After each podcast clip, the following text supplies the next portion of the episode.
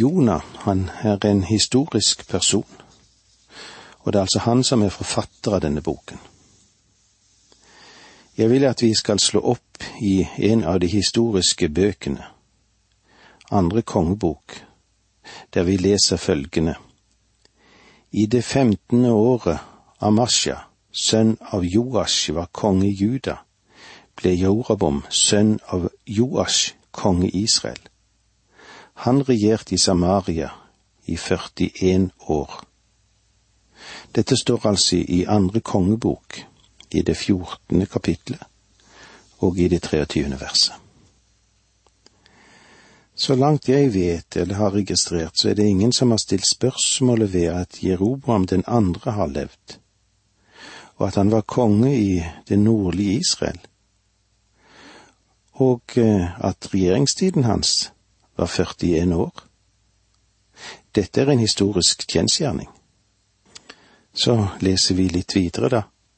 Jeroboam gjorde det som var ondt i Herrens øyne, og holdt ikke opp med de syndene som Jeroboam, Nebats sønn, hadde fått israelittene med på.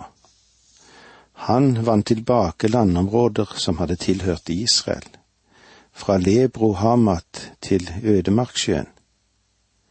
Det gikk som Herren Israels Gud hadde sagt gjennom sin tjener Jonah, sønn av Amitai, profeten fra Gat Hefer.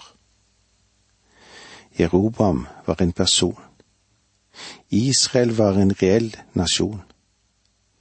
Hamat var et faktisk sted, og det er usannsynlig at Jonah, som står omtalt her, et, er et fantasifoster. Dette er en gjengivelse av et stykke historie, og eh, det er rimelig å konkludere med at Jonah er en historisk person. Det er å dra fakta for langt hvis vi sier at dette er en annen Jonah enn den som er beskrevet i Jonah-boken. Det er lite sannsynlig å tro at det var to Jonar, som begge hadde fedre ved navn Amitai, og som begge var profeter. Og dette blir spesielt påtagelig når en tar i betraktning at navnet Jonah ikke var så veldig vanlig navn. Den eneste gangen dette navnet forekommer i Bibelen, er henvisningen som allerede er referert i annen kongebok. Og så står det da i selve Jonah-boken. Og eh, så har vi da de referanser som vi finner i Det nye testamentet til denne boken. Det er bare én Jonah i Bibelen, og han er en historisk person. Det er interessant i denne sammenheng å sammenligne Jonah med en annen av profetene, og da har vi Abodja. Så langt jeg vet er det ingen kritiker som noensinne har stilt spørsmålet ved at Obodja eksisterte, eller at han skrev Obodjas bok. Det finnes ingen historisk belegg verken i Det gamle eller Det nye testamentet av det som angår Obadja. Kritikerne, de aksepterer Obadja, men de fornekter Jonah. Hvorfor? fordi en ønsker å benekte eller omtolke det under som finnes i dette mektige skriftet vi har for oss. Vi har òg en historisk gjengivelse av Jonah i Det gamle testamentet, og så har vi referanser i Det nye testamentet. Uttalt av den største autoritet som noensinne har, noensinne har levd her på jorden, den Herre Jesus Kristus. Han gir personlig, autentisk stempel på at Jonah, han var en historisk person, og hans opplevelse i den store fisken. Og vi leser i Lukas 11, 30. For som Jonah ble et tegn for innbyggerne i Ninive, slik skal menneskesønn bli det for denne slekt. Og så leser vi videre i Matteus 12, 39-41. Men han svarte dem, en ond og utro slekt krever tegn, men den skal ikke få noe annet tegn enn Jonategnet. For som profeten Jonah var tre dager og tre netter i den store fiskens buk, slik skal menneskesønnen være tre dager og tre netter i jordens dyp.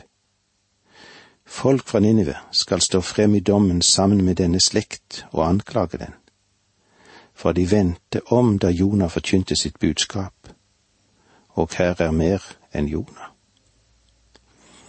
Det øyeblikk du setter spørsmålstegn ved den historiske karakter av Jonah-boken, så setter du også spørsmålstegn ved Jesu Kristi hederlighet. Det er merkelig å høre noen si Jesus var den største lærer som noensinne har levd. Når du tenker på at tegnet på en stor lærer er at denne læreren er nøyaktig og den er sannferdig. Om det er slik at Jesus er en stor lærer, da må det faktum være at han sier at Jonaboken, den er autentisk, og den skal bli stående. La meg avslutte denne delen der jeg har tatt opp forfatterspørsmålet, med å sitere en kjent person, sir Winston Churchill, i noe han har uttalt om Skriftens inspirasjon. Og så sier altså Churchill dette. Vi avviser med forakt alle de lærde og finslipte mytene om at Moses bare var en legendeskikkelse som presteskap og folk hang sine grunnleggende sosiale, moralske og religiøse holdninger og ordninger på. Vi tror at de mest vitenskapelige synspunkter, de mest moderne og rasjonalistiske oppfatninger, vil først virke like fullt tilfredsstillende om de tar Bibelens historie bokstavelig, og identifiserer en av de største personligheter med et av de viktigste sprang fremover noensinne i den menneskelige historie. Vi kjenner oss ikke rørt av de store verkene om vi ser det som professor Flisespikker eller doktor Tørrpinn. Vi kan kjenne oss trygge på at alt dette hendte nøyaktig slik som det er beskrevet for oss i de hellige skrifter, sier Churchill. Og det er kanskje noe som vi bør legge oss på sinne, det. Det våre forfedre har sagt om Den hellige bok, om Bibelen. Det er enkelte fortolkere som ser på at profeten flyktet unna. Det har òg gitt et uttrykk for patriotisme. Men det vi òg er kjent med, var at, asyrene de var grusomme. Nå prøvde de å drive sitt politiske spill videre. Neste gang ville turen komme til Israel. Den fryktelige skjebne som da ville ramme hans folk, det ønsket profeten å spare det for. Han så derfor gjerne at Ninive ikke fikk noen anledning til bot, men at dommen ble fullbyrdet uten skånsel. Andre fortolkere ser i profetens fluktforsøk et utslag av religiøs partikularisme. Jonah, han eh, var behersket av den vanlige jødiske forestilling at Guds utvelgelse av Israel, den var eksklusiv. Herren var israelittenes gud. Han var ikke hedningenes gud. Israel var under Guds velbehag, og hvordan var det med hedningene? Jo, de var under Guds dom.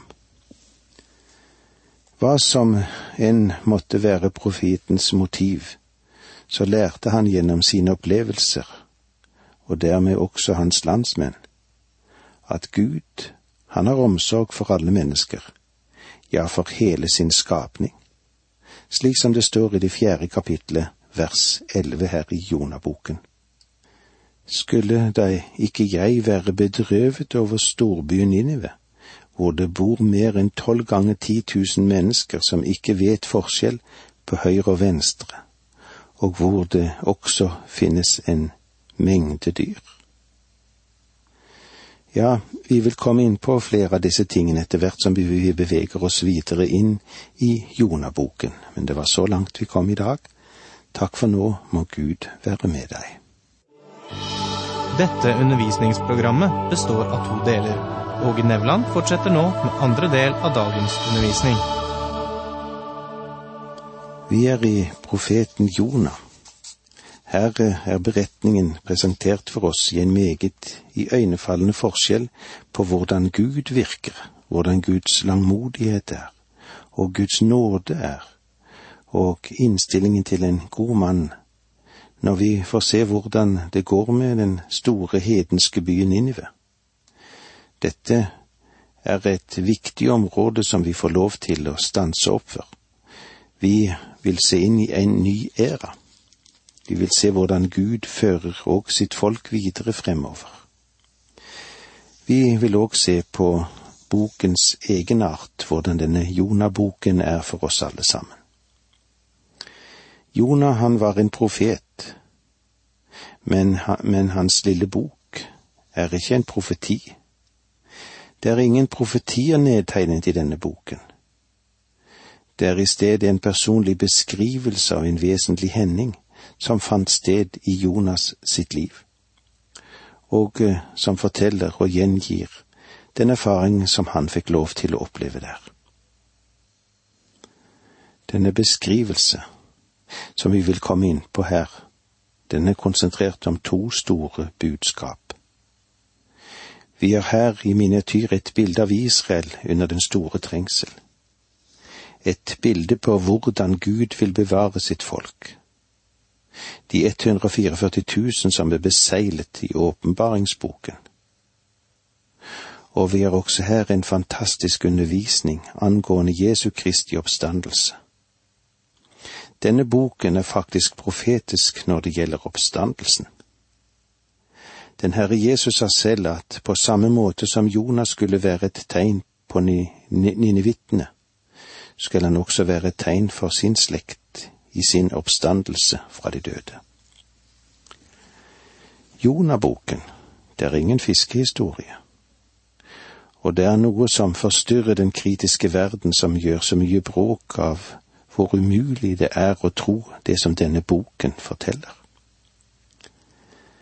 Denne boken er et bilde av en mann som ble oppreist fra de døde, og om en trone der det var en mann som var et lam som var slaktet.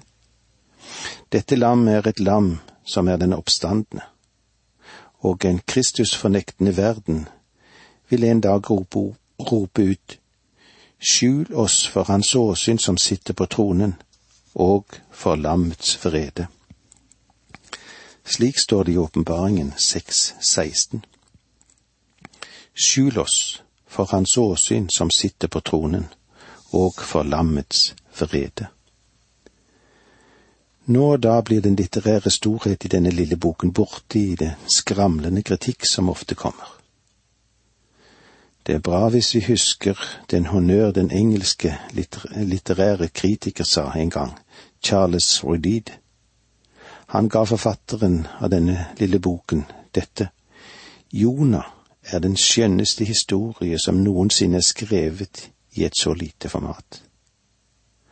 Og det er bra om vi drar til oss dette minnet om at vi har foran oss et litterært klenodium.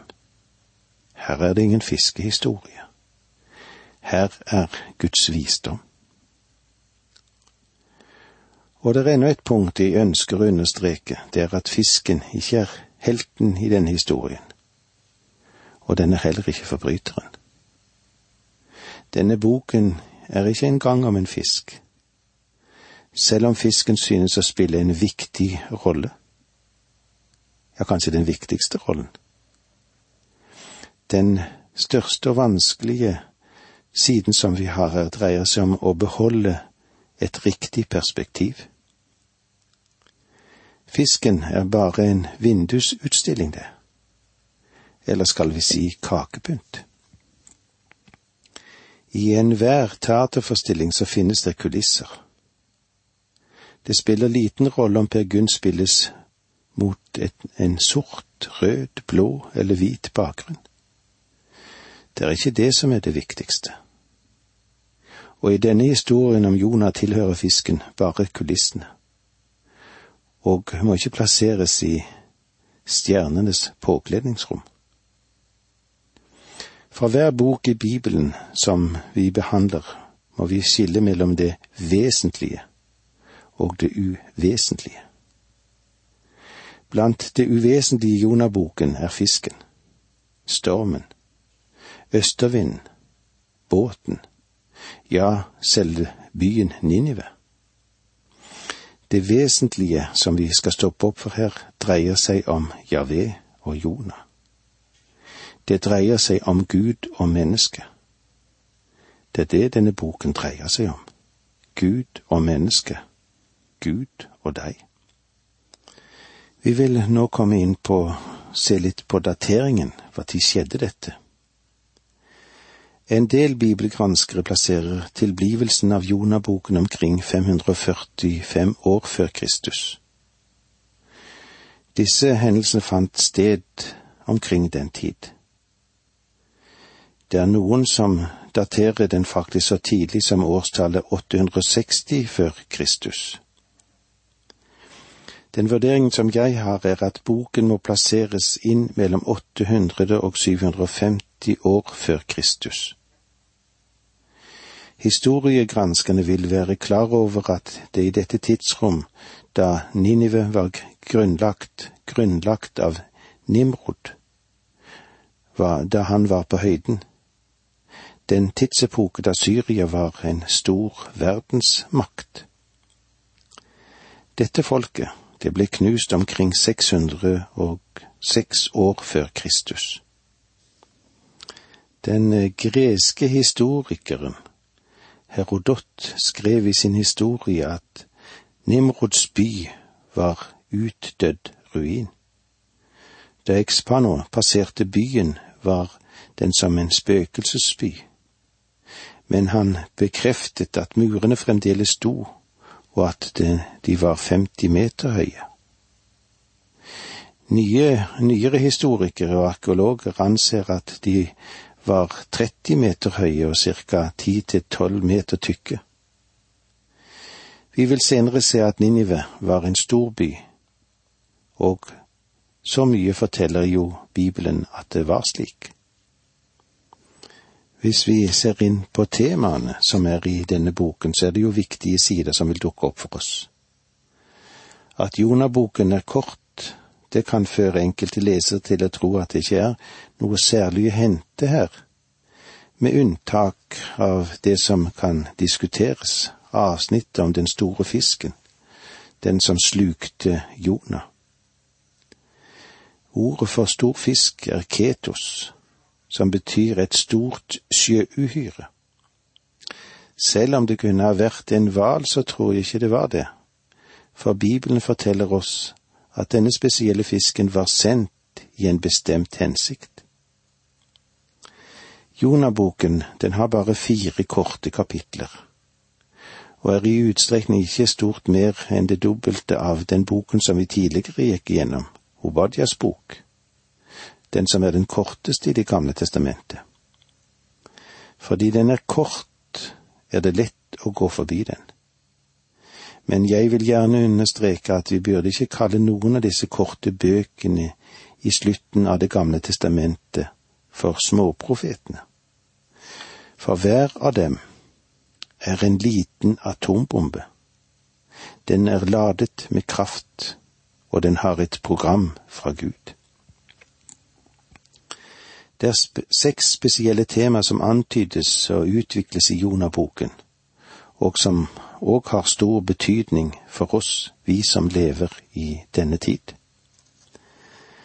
Det første er dette er den ene boken i Det gamle testamentet som i særlig grad sier noe om Jesu Kristi oppstandelse. Alle de store læresetninger i den kristne tro finnes som kimer, symboler, eller modeller i en eller annen form i flere bøker i Det gamle testamentet. For eksempel forteller annen Mosebok oss om forsoningen. Frihet fra synd, fra den synder som kommer til Kristus, det blir illustrert i den boken. I Ruths bok møter du forløsningens romanse, kjærlighetssiden i forsoningen.